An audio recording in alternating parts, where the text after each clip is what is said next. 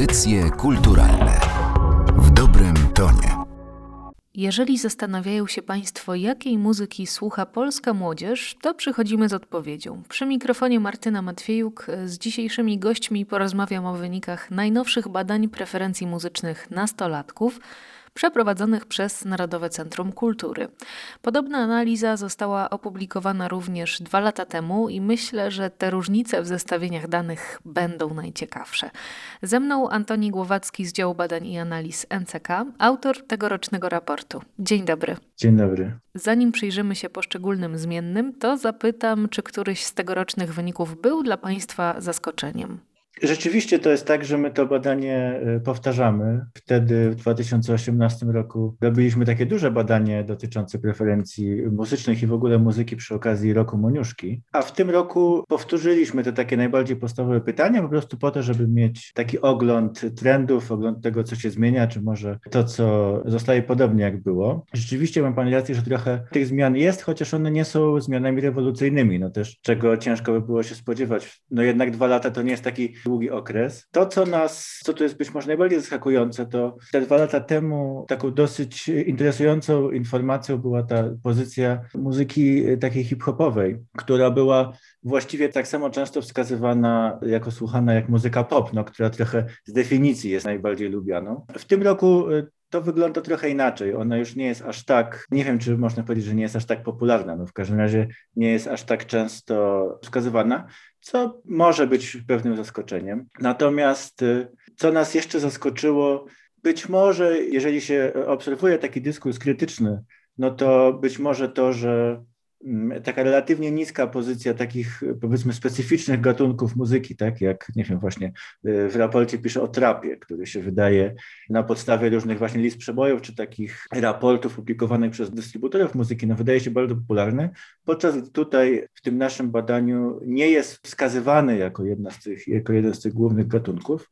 Można się pewnie zastanowić, dlaczego tak jest. Znaczy to pewnie nie jest tak, że on nie jest słuchany, tylko być może z jakiegoś powodu nie jest wymieniany. Natomiast jeszcze jedna rzecz, która mnie osobiście zaskoczyła w tym, to jest nie tyle to, co wyszło, co to, co nie wyszło w tym badaniu. Próbowaliśmy zbudować jakąś taką klasyfikację słuchaczy, to znaczy powiedzieć, czym różnią się osoby, które słuchają jakichś gatunków muzyki, na przykład od osób, które słuchają e, innych gatunków. I to się nie udało. To znaczy okazuje się, że bardzo trudno jest jakoś tych słuchaczy muzyki zróżnicować. Tak? Oni są dosyć taką jednorodną grupą i właściwie nie ma e, takich gatunków, które byłyby słuchane przez jednych, a, a nie przez innych. Tak? Czy może które tworzyłyby takie wyraźne grupy, czy miałyby wyraźne powiązania między sobą. Co było dla mnie trochę zaskakujące. No myślałem, że, że jednak tak będzie, że po prostu taki model uda się stworzyć. Więc no, czasem tak jest, że to, co nie wychodzi, jest też ciekawe, tak badawczo. Młodego słuchacza nie tak łatwo sklasyfikować, ale myślę sobie, że to też nic złego. Ten przedział wiekowy badanych, czyli okres między 12 a 17 rokiem życia, to jest czas poszukiwań własnego gustu i może młodzież jeszcze nie do końca wie, co jej w duszy gra. Y, ciekawe są wykazane zależności między gatunkami, bo są stylistyki, które jak się okazuje idą ze sobą w parze. Jakie gatunki łączą się najczęściej? To prawda. No, oczywiście są takie gatunki, które są najbliżej siebie, czy które najczęściej idą w parze taki indeks, którego używaliśmy, najwyższy poziom osiąga w przypadku muzyki pop i muzyki dance. Już tak mówiąc e, konkretnymi wynikami, no to to jest tak, że prawie 80% tych słuchaczy muzyki dance słucha też popu, z drugiej strony 40% słuchaczy popu słucha też dance. To są bardzo duże odsetki, tak? No takimi trochę tylko mniej powiązanymi parami to jest rap i pop, czyli dwa najpopularniejsze właściwie gatunki muzyki, jak się wydaje z tych badań. Też muzyka poważna, klasyczna i muzyka filmowa są dosyć mocno powiązane powiązane. Rock i muzyka filmowa też są dość mocno powiązane. Disco polo i dance i w końcu pop, też muzyka filmowa to są takie pary, które nam się udało jakoś pokazać i w przypadku których to powinowactwo, że tak powiem, jest dosyć wyraźne. To chyba nie są duże niespodzianki. Możemy tak intuicyjnie wyczuć to podobieństwo. E, choć, jak Pan mówił, nie tak łatwo jest wykrystalizować modele słuchaczy, to jednak dosyć wyraźne różnice obserwujemy w zależności od płci. To prawda, rzeczywiście możemy tutaj mówić o zróżnicowaniu takim płciowym między chłopcami i dziewczętami, co też być może jest zrozumiałe, a też dosyć wyraźnie się powtarza w tego typu badaniach. Dziewczęta, jak wynika z tych naszych badań, dziewczęta częściej niż chłopcy deklarują, że słuchają muzyki pop, muzyki dance, muzyki disco polo. To, jest, to są dosyć wyraźne różnice i takie istotne statystycznie różnice. Z kolei chłopcy częściej deklarują, że są słuchaczami rapu, muzyki elektronicznej i metalu. No, jestem bardzo ciekawa, czy gdybyśmy przeprowadzili taką analizę wśród dorosłych, to ten podział byłby tak widoczny. E, obcowanie z muzyką to jednak nie tylko słuchanie. Czy młodzi ludzie korzystają z publikacji poświęconych muzyce? Czy chcą o niej czytać? Czy chcą o niej słuchać? Zdecydowanie tak, co też pokazuje, że jest to takie zainteresowanie dosyć rozpowszechnione, tak? No bo słuchanie muzyki to jest taki, powiedzmy, poziom najbardziej podstawowy. To też jest taki poziom, który wymaga dosyć niewielkiego zaangażowania. No bo to może gdzieś sobie tam lecieć, kiedy robimy coś innego, czy nawet tak po prostu przypadkowo można, można nawet czegoś słuchać. Natomiast rzeczywiście są zainteresowani Całkiem spora grupa deklaruje, że coś czyta o muzyce w prasie albo w internecie. 17% deklaruje, że robi to co najmniej raz w tygodniu, co wydaje się dosyć sporym odsetkiem a kolejne 37% deklaruje, że co najmniej raz w miesiącu, a więc no tak dosyć regularnie. Jeszcze bardziej popularne jest oglądanie filmów czy programów poświęconych muzyce, tak? Bo tutaj 17% e, deklaruje, że robi to raz w tygodniu, 36% kolejne co najmniej raz w miesiącu. To oczywiście jest też pytanie, co to oznacza, tak? Bo można podejrzewać, że jest na przykład tak, że oglądanie, nie wiem, teledysku na YouTubie, no to już jest oglądanie filmu dotyczącego muzyki. To niekoniecznie jest zainteresowanie takim dyskursem krytycznym. No ale na pewno jest to działanie, które wymaga większego zaangażowania niż tylko opuszczenie sobie jakiejś piosenki. Pozostaje nam jeszcze najważniejsza chyba kwestia, czyli to, jaką rolę muzyka pełni w życiu młodych ludzi. Mhm. Wydaje się, że całkiem sporo. To znaczy, całkiem sporo przynajmniej w tym sensie, że jest e, dosyć mocno obecna. Dwie trzecie tych y, badanych deklaruje, że słucha muzyki dla przyjemności co najmniej raz w tygodniu. To jest wysoki odsetek, to jest zdecydowana większość, dla której ta forma rozrywki jest, jest istotna i jest częsta. Natomiast tylko 3% twierdzi, że nie robi tego nigdy. Tylko 3% młodych ludzi to są osoby, w których życiu ta muzyka zupełnie nie, nie występuje, zupełnie nie istnieje. Też myślę, na co warto zwrócić uwagę i co też pokazuje rzeczywiście, że jest to istotna rzecz, że oczywiście ci młodzi ludzie zapytani, jakiej muzyki słuchają, no zwykle odpowiadają takimi najbardziej ogólnymi kategoriami. Tak, słucham popu, słucham rapu, słucham rocka, no to są takie dosyć szerokie i takie ogólne kategorie. Natomiast warto zwrócić uwagę na wysoki bardzo, moim zdaniem, odsetek osób, które wymieniają takie gatunki znacznie mniej popularne. To znaczy 20% tych badanych wymieniło rodzaje muzyki, które są wskazywane przez mniej niż 3% respondentów, tak? Co pokazuje na takie, z jednej strony być może na zróżnicowanie tych gustów, no ale z drugiej strony na też ich takie sprecyzowanie. Sporo osób słucha jakichś konkretnych rzeczy i wie, co to jest i się tym prawdopodobnie interesuje. I też chciałbym zwrócić uwagę, że tylko 12% tych badanych na takie pytanie, czego słuchają na co dzień, mówi, a ja to słucham każdej muzyki, wszystkich rodzajów, właściwie to nie nie wiem czego, co też pokazuje, że oni i słuchają i potrafią o tym mówić, tak? Potrafią nazwać to, czego słuchają. A to jest pocieszające. Myślę jeszcze o tej trudności sklasyfikowania nastoletnich słuchaczy. To może też świadczyć o ogromnej otwartości ich uszu na różnorodne dźwięki. Mówi się o tym, że z biegiem lat nasza zdolność i chęć poznawania, odkrywania nowej muzyki drastycznie maleje. Miejmy nadzieję, że nie zawsze tak jest. O komentarz dotyczący badań, o których dziś rozmawiamy, poprosiliśmy też Marcina Flinta. Dzień dobry. Dzień dobry. Pierwszą rzeczą, na którą ja zwróciłam uwagę, analizując badania tegoroczne oraz badania sprzed dwóch lat, jest spadek całkiem wyraźny zainteresowania muzyką klasyfikowaną jako hip-hop czy rap. W badaniu otwartym, w którym ankietowani mogli wskazać wiele różnych odpowiedzi, dwa lata temu aż 59% badanych wskazało te gatunki. W najnowszej analizie tylko 42%. Spadek aż o 17 punktów procentowych. Jak pan sądzi, z czego wynika y, to wykazane zmniejszenie zainteresowania tymi właśnie gatunkami?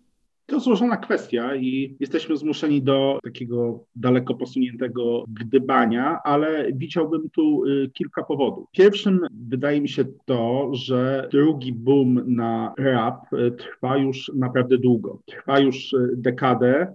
Oczywiście tutaj można się spierać, od kiedy go datować, ale myślę, że nawet ci najmniej życzliwi i najchętniej pomijający udział tego rapu w rynku przyznają, że premiera filmu Jesteś Bogiem no, była tym momentem, kiedy ten boom rzucił się w oczy już właściwie każdemu i to był rok 2012. W związku z czym minęło 8 lat, y, to jest mnóstwo czasu, w związku z tym y, mogło zaistnieć pewne zmęczenie materiału, pewne znudzenie i też nie za bardzo widzę powód, y, dla którego młodzież ma słuchać tej samej muzyki, której słuchają jej rodzice. Wydaje mi się, że jest potrzeba gdzieś znalezienia innej formy muzycznej wypowiedzi, z którą można się w takiej e, sytuacji utożsamiać. I tu można płynnie przejść e, właściwie do drugiego wątku, mianowicie takiego, że to utożsamienie z rapem może być dużo słabsze z racji na to, że do jednego worka trafia bardzo różna muzyka. Tak na dobrą sprawę myślę, że duża część osób, e, która rapu słucha, może nie wiedzieć, że go słucha, zwłaszcza w tym wieku, albo tak go sobie nie nazywać. Z racji na to, że duża część muzyki popowej jest e, właściwie oparta na rozwiązaniach rapowych, część muzyki tanecznej, e, klubowej analogicznie, w związku z czym dochodzimy do momentu, kiedy to słowo, to określenie gatunkowe przestaje dla dużej grupy odbiorców cokolwiek znaczyć. I też wydaje mi się, że z racji na wszystko to, co wydarzyło się w gatunku, na jego postępującą komercjalizację, mniej osób może wyrażać publicznie swoje utożsamienie ze słuchaczami.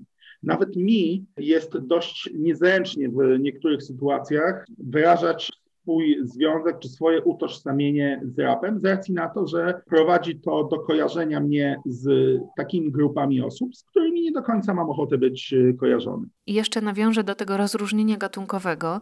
W pierwszej chwili pomyślałam o tym, że ten spadek wynika z pojawienia się nowych stylistyk zamykających się w obszarze tej muzyki. Myślę tu o trapie, ale okazuje się, że tylko 1% badanych y, wskazał ten gatunek. Pamiętajmy, że to też są bardzo młode osoby, które może niekoniecznie odnajdują się w terminologii związanej z muzyką, no ale te wyniki i tak y, kontrastują nieco choćby z zestawieniem zeszłorocznym Spotify, w którym wśród artystów najchętniej słuchanych w Polsce, nie tylko polskich twórców, i tak pierwsze pięć miejsc zajęli polscy raperzy. Więc chyba nie ma co się martwić o pozycję rapu czy hip-hopu w Polsce. Na pewno ten rap, bo z hip-hopem to jest jeszcze złożona sprawa i uważałbym z korzystaniem z tego słowa, może nie tylko z racji na to, że gdzieś rap był kiedyś tą muzyką, a hip-hop był całą czteroelementową kulturą, ale też z racji na to, że gdzieś hip-hop no, wiąże się z tym, że jest to w pewien sposób kontrkulturowe, że jest to utożsamiane z muzyką samplowaną, z muzyką rapowaną, a duża część tego, co uważa się w chwili obecnej za rap, jest to muzyka śpiewana, jest to muzyka popowa, jest to muzyka komponowana, nie samplowana, jest to muzyka elektroniczna de facto, więc tu się wkrada no, dość duży chaos y, pojęciowy. I tak jak mówiliśmy przed chwilą o tym, że mało osób y, deklaruje się jako słuchacze trapu, być może z racji na to, że gdzieś to nazewnictwo i rozróżnienia są dla nich ciężkie. One są ciężkie nie tylko dla nastolatków, y, one są ciężkie również dla nas i absolutną normą są też twórcy, którzy korzystają z bardzo wielu estetyk równocześnie. Jeżeli posłuchamy płyty Maty, jednego z najciekawszych, jeżeli nie najciekawszego zeszłorocznego debiutanta, to usłyszymy tam zarówno hip-hop, jak i trap. Teraz dodatkowo jeszcze jest większy chaos, bo gdzieś na drodze ewolucji trapu mówimy o drillu. To jest ten najnowszy trend.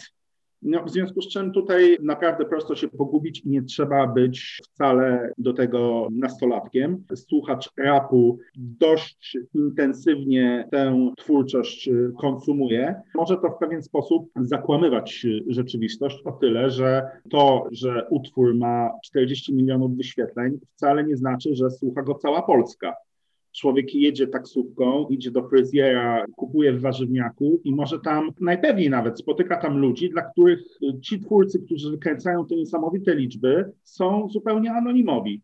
W związku z czym to nie jest tak, że cała Polska słucha takiego utworu, tylko że określona grupa osób słucha go niezwykle intensywnie. No jeżeli miałbym być szczery, to gdzieś bardziej przekonują mnie wyniki wyświetleń, mimo wszystko, nawet jeżeli to jest grupa fanatycznie odtwarzająca po kilkadziesiąt razy dziennie, niż wyniki sondaży, z racji na to, że wydaje mi się, że przy obecnym wyglądzie polskiej sceny muzycznej ten rap po prostu nie ma z kim przegrać nie ma następnej dużej rzeczy, która mogłaby go wyprzeć. W związku z czym niespecjalnie gdzie młody człowiek z tym swoim gustem ma pójść, bo też pop jest niezwykle szerokim i już właściwie niewiele mówiącym terminem. Może się kryć pod nim skrajnie różna muzyka i słuchacz popu może być równie zróżnicowany jak słuchacz rapu. A wracając jeszcze do tych zestawień, szczególne miejsce w tej opowieści zajmuje Taco Hemingway, który od trzech lat niezmiennie deklasuje innych w zestawieniach przygotowanych przez Spotify. W analizie opracowanej przez Narodowe Centrum Kultury przed dwoma laty ankietowani wskazywali również swoich ulubionych wykonawców. Na miejscu pierwszym znalazł się Paluch, który okazał się idolem aż 13% badanych.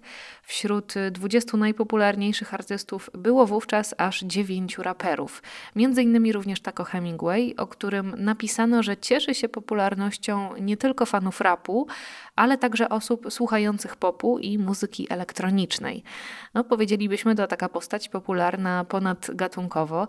Na czym w Pana opinii polega fenomen Filipa Szcześniaka? Wydaje mi się, że na tym, że stał się reprezentantem tej grupy odbiorców, która do tej pory była w rapie marginalizowana, że jest doskonałym przedstawicielem społeczności wielkomiejskiej, klasy średniej bądź do niej aspirującej, że jest tym rapem, którego osoba, która ma na przykład 30 lat, nie musi się w żaden sposób wstydzić, bo nie stygmatyzuje jej w towarzystwie, no i dodatkowo też na poziomie słownym to jest twórczość, która wydaje się ludziom mniej wulgarna, wydaje się ludziom mniej hermetyczna. To może być ten chłopak, którego spotykasz nad Wisłą idąc na imprezę i albo żyjesz tak jak on, albo na przykład właśnie przyjechałaś z mniejszej miejscowości i chciałabyś tak żyć. I w tym bym chyba dopatrywał się źródeł tego sukcesu, no jak również w tym,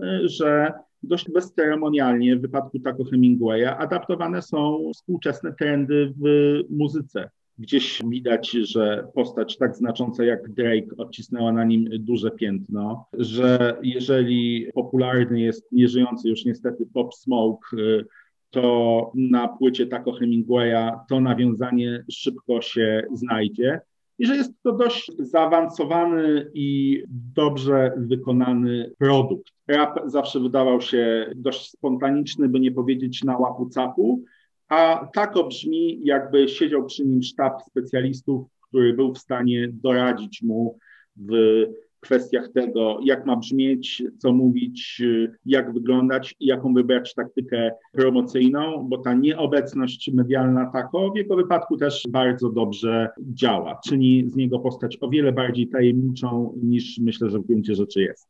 Takim aspektem, którego żałuję, że nie ma w tych badaniach, są e, dokładne pobudki, dla których nastolatki sięgają po taką muzykę, więc pozwolę sobie z ciekawości zapytać o Pana doświadczenia, o Pana podejście e, do tych gatunków. W momencie, kiedy zaczynałem słuchać rapu, no na pewno nie byłem jedyny. Było czuć, jak rośnie. Było widać, że ludzie, którzy go słuchają, chcą akcentować to sposobem, w jaki się ubierają, w jaki mówią. Gdzieś w latach 90. osoba w szerokich spodniach, kiedy widziała po drugiej stronie ulicy osobę w szerokich spodniach, to śmiało mogła na przykład podbić po papierosach i liczyć na to, że go dostanie. Na przykład y, na koncertach też było to wrażenie bycia razem, czegoś pokoleniowego i to było niezwykle fajne. Poza tym wydaje mi się, że to, co zawsze pociągało mnie w rapie, to jego silnik, jego funkowy silnik, groove, który to niesie i sama zabawa słowem, obracanie go na milion sposobów, cała ta postmodernistyczna tkanka, która powoduje, że mamy do czynienia z nawiązaniami do nawiązań, do nawiązań, do nawiązań, to zapętlenie kultury, słyszalne zarówno w warstwie muzycznej, jak i w warstwie tekstowej. To na pewno było super. A to, że przy rapie zostałem, myślę, że po pierwsze, i myślę, że głównie dlatego, wynika z tego, że no jest moją strefą komfortu. Wywołuje mnie całe mnóstwo miłych wspomnień, ale też dlatego, i nie można tego lekceważyć, że jest bardzo prężną muzyką, która w ramach swojego rozwoju nie traci tego wszystkiego, co miała, bo została część dawnych artystów albo młodzi artyści nawiązują do tej estetyki, ale natomiast y, dodaje kolejne kolory do y, palety. W związku z czym ja pod koniec roku mogę wybierać z kilkuset albumów rapowych y, polskich, gdzie każda estetyka będzie mieć swoich reprezentantów na dużym poziomie. No oczywiście, jeżeli tych płyt wyjdzie powiedzmy, że 500, to ja wyłowię to 50, które mnie interesuje z tego, ale to i tak jest 50 fajnych płyt, które gatunek ma w ciągu roku. No wydaje mi się, że żadna z innych estetyk nie może się pochwalić takim wynikiem, ani nawet nie jest blisko. Może elektronika, ale to też wiadomo, że elektronika jest skrajnie różnorodna. To tak naprawdę jest 30 gatunków w jednej szufladzie i to są bardzo kameralne wydawnictwa, często nie używające słów, więc mogące odbić się szerszym echem na całym świecie. Inne zagadnienie zupełnie. Tak, ale ten duży wybór może też rodzić pewien problem, mianowicie jak odnaleźć się w tym zatrzęsieniu wydawnictw, jak z tego gąszczu wyłowić te najbardziej wartościowe elementy. Zwłaszcza, że dzisiaj nastolatki korzystają głównie z platform, które silnie działają w oparciu o algorytmy, wpychające słuchacza na pewną określoną ścieżkę, tym samym odcinając go od reszty. Jak sobie z tym poradzić? To jest bardzo dobre pytanie, z racji na to, że polski rap nie radzi sobie z tym w ogóle. Media rapowe są słabe, często zredukowane do roli fanpage na Facebooku. Nie mamy przy takiej popularności gatunku jednego magazynu, nie mamy też jednego portalu, który na bieżąco publikowałby rapowe recenzje. Jeżeli chce się takie czytać, to lepiej wybrać duży portal y, ogólnopolski, niewyspecjalizowany w rapie, niż coś insiderskiego. To jest pierwsza kwestia. A druga jest taka, że no niestety rok w rok y, widzę, że to, co jest dla mnie najbardziej wartościowe, to, co jest dla mnie muzycznie najciekawsze, absolutnie nie pokrywa się z najchętniej słuchanymi albumami czy najchętniej słuchanymi utworami. I też mam wrażenie, że słuchacz bardzo prosto daje sobie narzucić coś przez algorytmy, albo z pozycji promocyjnej siły. I w momencie, kiedy nie ma silnego dziennikarstwa, które jest w stanie odłowić część e, tego PR-owego bełkotu, to duża część słuchaczy jest rzucana na pastwę naprawdę średnich artystów. I to, że rap jest ogromny, absolutnie nie znaczy, że jest proporcjonalny. To jest tak, że kilkunastu wykonawców spija większość tej śmietanki, a pod spodem ci, którzy powiedzmy nie mają ochoty mówić do dużo młodszego odbiorcy albo komercjalizować swojej twórczości, tak na dobrą sprawę ledwo, o ile w ogóle są w stanie z tego przeżyć. Więc to spolaryzowanie jest straszne. I ja gdzieś nawet podświadomie łapię się na tym, że chciałbym, żeby ten drugi boom upadł, bo upadek pierwszego boomu pozwolił w znacznym stopniu odsiać część tych wykonawców, którzy byli tu z pobudek wyłącznie koniunkturalnych i relatywnie niewiele sobą prezentowali. A ci, którzy naprawdę czuli związek, byli w stanie coś poświęcić dla tej muzyki, czy mieli dość determinacji, gdzieś w tym wszystkim pozostali, przyczyniając się potem oczywiście do wzrostu drugiego boomu. Także Cóż, y, na pytanie, jak sobie radzić w tych czasach, sugerowałbym, żeby jednak y, próbować rozejrzeć się za osobami, które próbują o muzyce powiedzieć coś więcej niż to, że jest fajna, i żeby też patrzeć daleko poza to, co proponują algorytmy, bo internet miał dać nam tę wielką wolność. Mamy możliwość słuchania muzyki tak różnorodnej jak nigdy, a jest y, zupełnie odwrotnie. Doświadczamy komercjalizacji muzyki na skalę wcześniej niewidzianą. Dużo gorszą niż w czasach monopolu wielkich wytwórni. I zapewne to tąpnięcie, o którym Pan mówił, coraz bliżej przed nami, a naszym kolejnym gościem jest redaktor prowadzący kwartalnika muzycznego Lizard, Bartosz Leśniewski. Dzień dobry. Dzień dobry. Tak jak rozmawialiśmy przed chwilą o nieco zaskakującym spadku popularności rapu czy hip-hopu, tak teraz czas na muzykę rockową, którą podczas pierwszych badań wskazało 33% ankietowanych, a teraz aż 40%. Jest pewna grupa słuchaczy i twórców mówiąca, że w muzyce rockowej wszystko się już wydarzyło, wszystko już zostało powiedziane, a jednak wyniki wskazywałyby, że popularność rocka rośnie stykamy się z czymś takim, co można po prostu nazwać sinusoidalną linią popularności, że pewne rzeczy osiągają jakiś pik, nie są w stanie piąć się w górę z racji nasycenia rynku i później w pewnym momencie po prostu opadają i w to miejsce wchodzą zupełnie inne rzeczy. Ta popularność muzyki rockowej jest falowa, co można już przecież od lat jakby obserwować, czy na przykładzie całej historii od lat 60. czy 70., kiedy było to dosyć wysoko, później była fala zniżkowa w latach 80 80., kiedy pojawiły się gatunki takie jak New Romantic, disco i ta muzyka popularna poszła w zupełnie inną stronę. No i później w latach 90. znowu było jakieś tam apogeum w pierwszej połowie, kiedy gitary znowu były na topie. Od tego czasu już jakby, mimo że ta muzyka rockowa tutaj w tych ostatnich dwóch latach powiedzmy się jakoś tam podniosła, to nie ma się co oszukiwać, że wracamy do jakiejś dominacji, która miała miejsce ileś epok temu. Skala tej muzyki i jej znaczenia jest nieporównywalnie mniejsza niż miało to miejsce lata temu. Mhm. A jak pan to obserwuje ze strony twórców? Bo wydaje mi się, że w ostatnim czasie sporo młodych zespołów sięga nawet y, po takiego tradycyjnego rocka. To prawda, cała ta fala retrogrania, która bardzo mocno nasiliła się po roku dziesiątym, no w tym momencie jakby no nie ma się co oszukiwać, już i tak jest jakby zmierzch tego wszystkiego. Ta formuła odświeżania starego roka już też się wytarła i zużyła, więc znowu moim zdaniem troszeczkę jesteśmy przy tym retro stylu, w tym momencie w odwrocie, że jednak te wszystkie vintage'owe sprawy też swój pik miały 8, 7, 10 lat temu. Pytanie jest takie, czy jakby ta popularność rocka to nie jest na przykład, że po prostu słuchacze wracają do rzeczy, które są e, jakimiś klasykami. Pojawił się gdzieś tam Queen, pojawiła się Metallica, czyli jakby no, instytucje muzyczne, które są od dekad obecne i cały czas jakby odświeżane, czy to przy pomocy jakichś filmów, czy obecne w popkulturze. I wydaje mi się, że no ta fala tego nawrotu do muzyki rockowej to pewnie będą raczej sprawy związane z tym, co rodzice na przykład pokazują w domu, czego słuchają, czego się słucha i, i wraca się do tych samych rzeczy, raczej w mniejszości do rzeczy nowych, tak mi się przynajmniej wydaje. Bardzo się cieszę, że wypowiada się Pan jako współtwórca magazynu muzycznego wydawanego przez wytwórnię Audio Cave, bo interesujący jest sposób, w jaki młodzi ludzie, ale nie tylko, docierają dzisiaj do muzyki. Aż 26% zadeklarowało, że nigdy nie kupuje dostępu do serwisów streamingowych, plików z muzyką czy też płyt.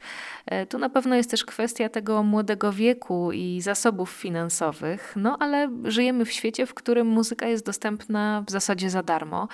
Jak radzą sobie z tym wytwórnie? Tu można sobie na różne sposoby jakby z tym radzić. Po pierwsze, skala działania jest nieporównywalnie mniejsza niż dawniej, ponieważ no, te nakłady są teraz znacznie mniejsze niż były 10 lat temu, 20 czy 30, kiedy nie było innych form dystrybucji muzyki. Więc nasze starania w przypadku wytwórni Audio Cave i profilu jazzowego to raczej kierują się w kierunku winyla, który teoretycznie też ma swój renesans w ostatnich latach. To prawda, że jakby te gramofony pojawiły się w domach, jest ich więcej, pojawiają się płyty w znanych sklepach spożywczych, też można jakby kupić je bez problemu. Jest popyt na ten towar. Trzeba zauważyć, że te płyty, które się pojawiają w tych sklepach, to zazwyczaj są reedycje klasycznych tytułów znanych na przykład rodzicom, osobom starszym, rzeczy, które mają no, 40-50 lat, więc przypadku jakby radzenia sobie z, z tym odwrotem nośnika, no trzeba wydawać jakąś interesującą muzykę, za tym pójdą zakupy. Ludzie w nadmiarze tej informacji i bodźców nie mają czasu na poświęcanie swojej uwagi na rzeczy, które są po prostu średnie dobre. No muszą być jakieś wzorowe, celujące, w swoim gatunku unikatowe i to jest jakby jedyna szansa na to, żeby docierać z tą muzyką. No inna sprawa jest taka, że dzisiaj jakby słucha się przede wszystkim z internetu muzyki, ze streamingów, z YouTube'a, czy to opłaca się ten abonament, czy tak jak pani mówi, nie opłaca się go. No muzyka po prostu straciła trochę swoją cenę, jest dostępna po prostu jako takie dobro, za które się nie płaci. Ja myślę, że ciekawe też jest to, jak zmienia się profil słuchania muzyki, bo kiedyś te albumy towarzyszyły nam często w całości, zwłaszcza kiedy słuchaliśmy ich z nośników fizycznych, a teraz to wszystko funkcjonuje w takim systemie playlistowym. Myślę, że głównie młodzi ludzie słuchają zbioru pojedynczych utworów i czas życia płyt również się skrócił, bo album jest promowany przy premierze, kilka singli gdzieś tam wybrzmi, a potem świat o nim zapomina. Jak w Pana opinii to wpływa na rynek? Zdecydowanie tutaj te gusta profilują twórcy tych y, wpływowych playlist na różnych serwisach streamingowych, ale no, to się po prostu przekłada na tak zwany suchy streaming, kiedy włączamy taką playlistę, słuchamy dwie godziny, trzy godziny, nie zwracamy uwagi na to, co tam płynie z tych głośników czy z słuchawek i po skończeniu tej playlisty powiedzmy, może w międzyczasie mieliśmy chwilę, żeby zerknąć na to, co tam było grane, kto za to odpowiada, jak się nazywa ten kawałek. Muzyka wydaje mi się, że w dużej mierze spełnia charakter jakiegoś tła muzycznego w tym momencie. No nie jest częścią życia na taką jakby skalę, że utożsamiamy się z czymś, z kimś, z jakimś artystą, z jakimś gatunkiem, z jakimś nurtem, z jakąś subkulturą. Chyba te czasy już minęły i w tym momencie zostało tylko taka muzyka ambientu, tło, gra sobie coś z tyłu. Ważne, żeby grało, wystarczy włączyć. To oczywiście jest duże uogólnienie, natomiast te playlisty są użyteczne, ale no w pewien sposób spłycają ten odbiór. No to nie jest jakiś taki głęboki, angażujący, i zachęcający do powrotu, do ponownego kontaktu, na przykład z wybranym artystą z tej playlisty, bo nie wiemy, kto tam się pojawił na, na tej playce. Dużo jest tych bodźców, które atakują słuchacza. O tym, jak się w tym nie pogubić, mówił też Marcin Flint, ale myślę teraz na przykład o Państwa magazynie. Czy nie jest trochę tak, że młodzi ludzie niespecjalnie potrzebują tych recenzji? Nie interesują się tą muzyką w taki sposób, żeby codziennie sięgać po informacje, co się pojawiło, po co warto sięgnąć. No i druga sprawa, wydaje mi się, że wiele osób młodych może przy tej jakby powszechności muzyki i możliwości sięgnięcia do całej historii muzyki za pomocą jednego kliknięcia, oni mogą jakby też uważać, że zwyczajnie nikt im nie musi mówić, co jest dobre i czego powinni słuchać i dlaczego coś jest jakby wartościowe i interesujące, bo sami potrafią sobie tutaj wyrobić zdanie na dany temat. A czy sądzi Pan, że w grupie Państwa czytelników są też takie młode osoby? Nie mam też dostępu do jakichś badań, że potrafiłbym pani powiedzieć, jaki procent czytelników sięga po naszą gazetę, bo może być też tak, że ktoś kupuje tą gazetę, przynosi do domu i na przykład nastolatkowie, którzy są w domu, również po nią sięgają. Tego nie wiem. Natomiast wydaje mi się, że muzyka, którą my się zajmujemy, czyli muzyka sprzed 50, 40, 100 czy tam powiedzmy 30 lat, bo zajmujemy się przede wszystkim historią, rezerwatem muzyki rockowej sprzed bardzo dawna, do odbioru tej muzyki dorasta się czasem. Nie wskakuje się do takiej rzeczywistości dźwiękowej sprzed lat w momencie dorastania. To trzeba po prostu przeżyć swoją muzykę, swoją współczesność, swoje rzeczy, a nie wchodzić od razu do antykwariatu i inhalować się kurzem nagrań sprzed 50 czy 60 lat. Na to przychodzi pora troszeczkę później, kiedy człowiek już faktycznie coś tam pozna, posłucha i na przykład zadecyduje, że o, to są fajne sprawy, warto wejść tutaj w ten kierunek troszeczkę starszy, zbadać jakiś tam historyczny aspekt tej muzyki. Tak mniej więcej wydaje mi się, że to wygląda. Chyba młodzieży wśród czytelników Lizarda no nie ma zbyt wiele. Niestety, stety, nie wiem. Zastanawiam się, czy w ogóle nie jest tak, że ta forma dłuższych artykułów wydawanych na papierze się już trochę wyczerpuje. My postawiliśmy podczas tworzenia tego magazynu na temat mało chodliwy, czyli tą muzykę sprzed lat. Ona nie będąc aktualna no, dzisiaj, jakby z automatu odcina bardzo duże spektrum zainteresowań. Ludzie się nie, w większości nie interesują jakąś tam historią, interesują się współczesnością, interesują ich te nowe utwory, nowe rzeczy, nowe książki, nowa polityka, a nie jakiś tam historyczny stan sprzed lat. Tutaj na pewno sami się do niszy zapędzamy, to jest pierwsza rzecz. Dwa, no wydajemy gazetę robioną przez wielkich fanów tej muzyki i specjalistów w danej dziedzinie. Teksty bywają bardzo długie, potrafią mieć po 8 stron, 10 i są to jakieś takie wyczerpujące studia jakiegoś danego problemu. Dzisiaj też nie ma czasu na poświęcanie swoich wolnych chwil na lekturę no, takich tekstów. Zazwyczaj ludzie zadowalają się zwykłymi newsami, nagłówkami. No właśnie. Bartosz Leśniewski z magazynu Lizard, wcześniej Marcin Flint i Antoni Głowacki. Rozmawialiśmy przy okazji wyników badań preferencji muzycznych polskiej młodzieży. Link do całego raportu znajdą Państwo w opisie podcastu. Martyna Matwiejuk, dziękuję i do usłyszenia. Audycje kulturalne w dobrym tonie.